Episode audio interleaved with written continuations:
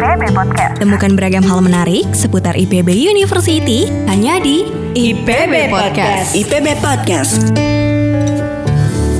Assalamualaikum warahmatullahi wabarakatuh. Apa kabar Sobat IPB? Semoga Sobat IPB dalam kondisi sehat walafiat. Nah Sobat IPB, pada IPB Podcast kali ini, Sobat IPB memiliki ketertarikan terhadap bidang bisnis atau mungkin ingin terjun ke bidang bisnis, harus menyimaknya sampai akhir. Karena IPB Podcast kali ini kita akan membahas tentang bagaimana sih caranya menentukan harga jual. Dan untuk membahas hal tersebut, telah hadir bersama kita di sini Guru Besar Bidang Perilaku Konsumen dan juga Ketua Program Studi Pasca Sarjana Manajemen dan Bisnis Sekolah Bisnis IPB University, Profesor Ujang Sumarwan.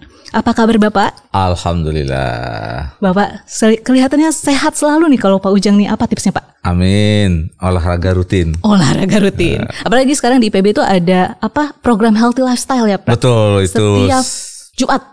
Jumat pagi. Ya, betul sekali. Nah, Prof, eh, kita bicara tentang harga jual nih, Prof nih. Saya juga nih sebagai orang yang suka sekali berbelanja nih, Prof ya. Kadang kan harga ini menjadi salah satu faktor yang menentukan kita, mempertimbangkan kita mau belanja suatu produk atau jasa atau tidak begitu ya, Prof ya. Nah, sebenarnya bisa dijelaskan mungkin, Prof, sebenarnya apa sih yang dimaksud dengan harga jual itu? Apakah hanya semata harga yang ditentukan oleh pedagang, tok begitu saja, atau seperti apa? Ada penjelasannya? Baik, terima kasih Mbak Wina ya.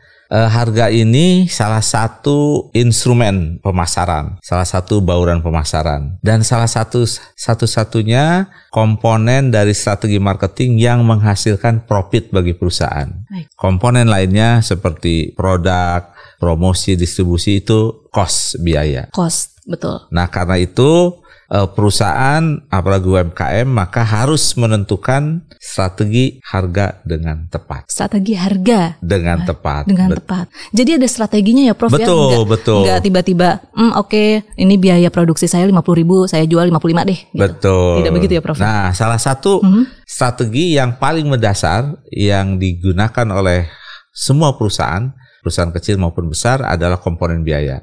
Nah, itu yang disebut dengan strategi penetapan harga berdasarkan biaya. Berdasarkan biaya. Betul. Baik. Nah, selanjutnya Prof, eh, siapa sih yang bisa menentukan harga jual ini? Apakah semata hanya produsen atau pedagang begitu atau mungkin konsumen juga memiliki andil dalam menentukan harga jual? Lalu, apakah harga jual ini diatur oleh undang-undang? Bagaimana? Betul, baik. Penetapan harga secara eh, umum dilakukan oleh perusahaan. Oleh perusahaan, baik. Nah, tentu perusahaan pun tidak bisa sembarangan menetapkan harga. Untuk produk-produk yang banyak tersedia di pasar, maka penetapan harganya adalah berdasarkan salah satunya eh, oleh perusahaan. Tetapi kalau produk itu yang sifatnya eh, produk monopoli, Mhm. hanya perusahaan itu yang menjual, misalnya listrik, Oh, baik. kemudian gas, maka itu diatur oleh undang-undang Oke. oleh undang-undang pemerintah. Baik. Jadi tidak bisa Sembarangan. dia sembarangan atau eh, sesukanya perusahaan tersebut. Baik. Nah, yang kita akan bahas sekarang adalah di mana produk banyak tersedia di pasar, persaingannya sangat banyak, maka peran perusahaan ini menjadi sangat penting. Baik, ini kita bicara tentang harga jual produk yang kita konsumsi sehari-hari yang benar-benar betul. eh, bisa dijual atau diproduksi oleh siapa saja betul, begitu ya Prof ya. betul. Baik, nah ini menarik. Jadi itu tadi bagaimana sih Prof cara untuk menentukannya? Apakah ada rumus satu tadi Prof sempat Ya. menyebutkan? Hah? Rumus yang pertama Mhm. di dalam penentuan harga itu adalah kita melihat produk kita dijual untuk siapa. Baik, Nah, itu yang kita sebut dengan strategi penetapan harga berdasarkan segmentasi, targeting, dan positioning. Hmm, Jadi betul. konsumen ini mau dijual kepada siapa, Mhm. kemudian ingin diposisikan seperti apa produk ini, dan kemudian kita menetapkan sasaran kita. Jadi saya berikan contoh, kalau Mhm. kita jual eh, makanan untuk kalangan mahasiswa, nah tentu kita sudah punya informasi yang lengkap berapa maksimum harga yang bisa dikeluarkan oleh mahasiswa. Ya, tentunya sudah ada info-informasi ya. Betul, Uang sakunya betul. mahasiswa tuh berapa sih kira-kira begitu ya, Ya. Prof ya? Nah, setelah itu Mhm. kita menetapkan harga berdasarkan persaingan, Baik. berdasarkan persaingan. Jadi kalau di situ ada tukang bubur, kemudian kita menetapkan harga, maka apakah mau lebih rendah dari pesa- dari tukang bubur yang ada atau mau sama dengan mereka atau lebih tinggi? Baik. Oke, jadi strategi kedua adalah berdasarkan persaingan. Persaingan. ya jadi strategi pertama berdasarkan eh, komponen biaya, yang kedua berdasarkan segmentasi, targeting, positioning, dan persaingan. Baik, itu tiga berarti Prof. Betul. Ada tiga. Ada tiga. Oke, berarti kita harus sebagai produsen atau pedagang juga harus eh, riset dulu ya Prof ya sebelum menentukan harga jual. Betul. Jadi, tiga betul. hal tadi itu harus kita eh, perhatikan. Betul sekali. Jadi riset penting. Mhm. Riset tidak mesti dilakukan oleh konsultan, Mhm. tapi kita mengamati pasar yang ada, Mhm. ya, mengamati persaingan yang ada. Kemudian kita menetapkan. Baik. Lalu selain tiga hal tadi strategi untuk menentukan harga jual tadi itu, apakah ada hal lain Prof yang perlu kita perhatikan ketika menentukan harga jual? Strategi berikutnya itu kalau kita produk kita menengah ke atas untuk kalangan tertentu, Mhm. maka ada yang kita sebut dengan strategi berdasarkan persepsi konsumen. Oke, persepsi. Baik, baik, baik. berdasarkan persepsi konsumen. Nah, ini penting.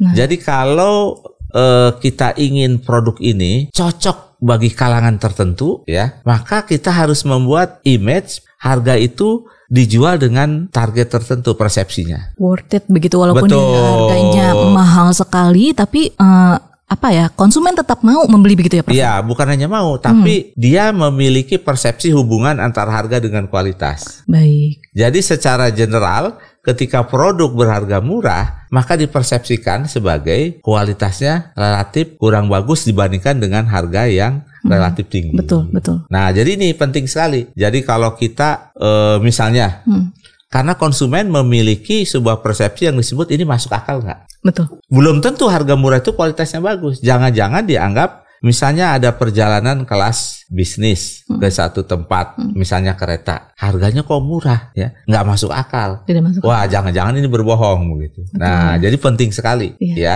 Demikian pula kalau eh, harga itu terlalu tinggi, dia pun akan membandingkan ini masuk akal nggak? Betul, betul Prof. Kalau nggak masuk akal, dia akan tinggalkan. Nah, jadi penting sekali nih strategi yang kelima ini adalah berdasarkan persepsi konsumen. Persepsi konsumen. Oke, baik baik. Karena memang betul sih, Prof. Saya sebagai konsumen begitu ya, ketika dalam eh, apa eh, riset suatu barang, menentukan suatu barang dibeli atau enggak, harga itu ketika lihat harga, kok ini kemurahan gitu, ya. Ah, kayaknya nggak betul. masuk akal deh. Walaupun eh, saya lagi butuh barang itu, jadinya yang agak mahalan deh, kayak untuk membuat hati saya tenang gitu. Karena eh, bagaimanapun kalau misalnya terlalu murah, takutnya ternyata tidak sesuai kualitasnya dengan saya harapkan, begitu ya, Prof ya. Betul. Nah, karena itu strategi berikutnya adalah apakah kita menetapkan strategi diskon Diskon ah, Ini atau juga, insentif Mhm. atau promotion. Nah, ini yang sering kali eh, karena tadi seperti pertanyaan Mbak di awal bahwa harga ini adalah salah satu faktor yang menentukan orang beli atau tidak. Betul. ya. Jadi sangat penting sekali ini sangat krusial selain memberikan eh, profit tapi tadi ini sentuhan pertama antara konsumen dengan barang. Mhm. Jadi ketika harganya cocok, dia akan berpikir, oke, saya jadi beli ini. Betul, betul, Kemudian negosiasi begitu. Betul Tapi sekali. begitu harganya nggak cocok, nah, Udah berhenti di situ. ya dia berhenti di situ. Tidak Ya. masuk ke pertimbangan lagi ya, Prof, ya? Betul, betul, betul. Oke. Jadi ini saya berikan contoh ilustrasi. Suatu saat saya pernah masuk ke butik bahan bangunan, Butik bahan bangunan. Baik. butik bahan bangunan, Waduh, ya. ada butiknya ya? Nah, ini tahun 2000-an nih, Mbak ya. Eh, 96 ya. Kita kebayang. Jadi begitu saya masuk ada harga grendel ya, apa? Engsel itu. Oh iya iya, engsel pintu ya? Ah, engsel pintu dengan eh, apa kuncinya. Mhm. Saya lihat harganya itu 15 juta, Mbak. Wow. Gaji dosen saat itu 600 ribu. Nah, kebayang nggak Tahun ya? 96, tahun 96 grendel ya. harga 15 juta. 15 juta. Aduh, dibuat dari Jadi apa itu, kalau Prof? Mm-hmm. grendelnya 15 juta, kebayang dong pintunya harus berapa harganya kan? Iya dong. Masa pintunya pintu yang murah kan nggak mungkin Prof ya? Nah, konsumen mengatakan tadi persepsinya ini pasti kualitasnya bagus. Betul. Dan bagi saya dosen ini bukan untuk saya ini ya. ini barang bukan untuk saya kan. Walaupun dengan penampilan saya waktu itu bagi dia ini cocok nih Bapak ini beli ini ya. Sepertinya Ah. oke nih gitu ya. Udah Ah, udah di betul, ini ya. Saya pun mengatakan ini kemahalan malu gitu ya. Jadi pura-pura dulu aja ya, Prof, ya. Sebagai konsumen mengatakan warnanya tidak cocok. Padahal dompet yang tidak cocok. Ngeles dulu Prof ya. Ngeles dulu.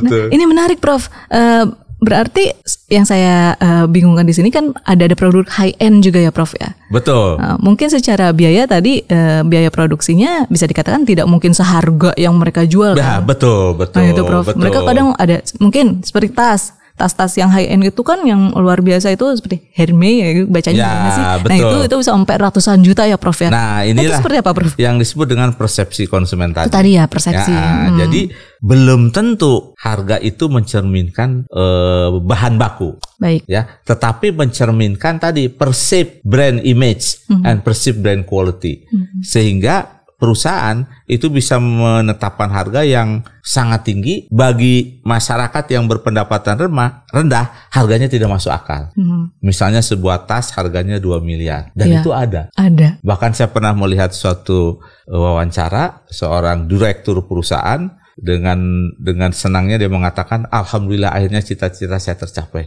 Cita-cita. Ternyata dia baru dapat beli tas harganya 2 miliar. Waduh. Wah, luar biasa kan Kita tas kan. 500 ribu aja mikir-mikir pak.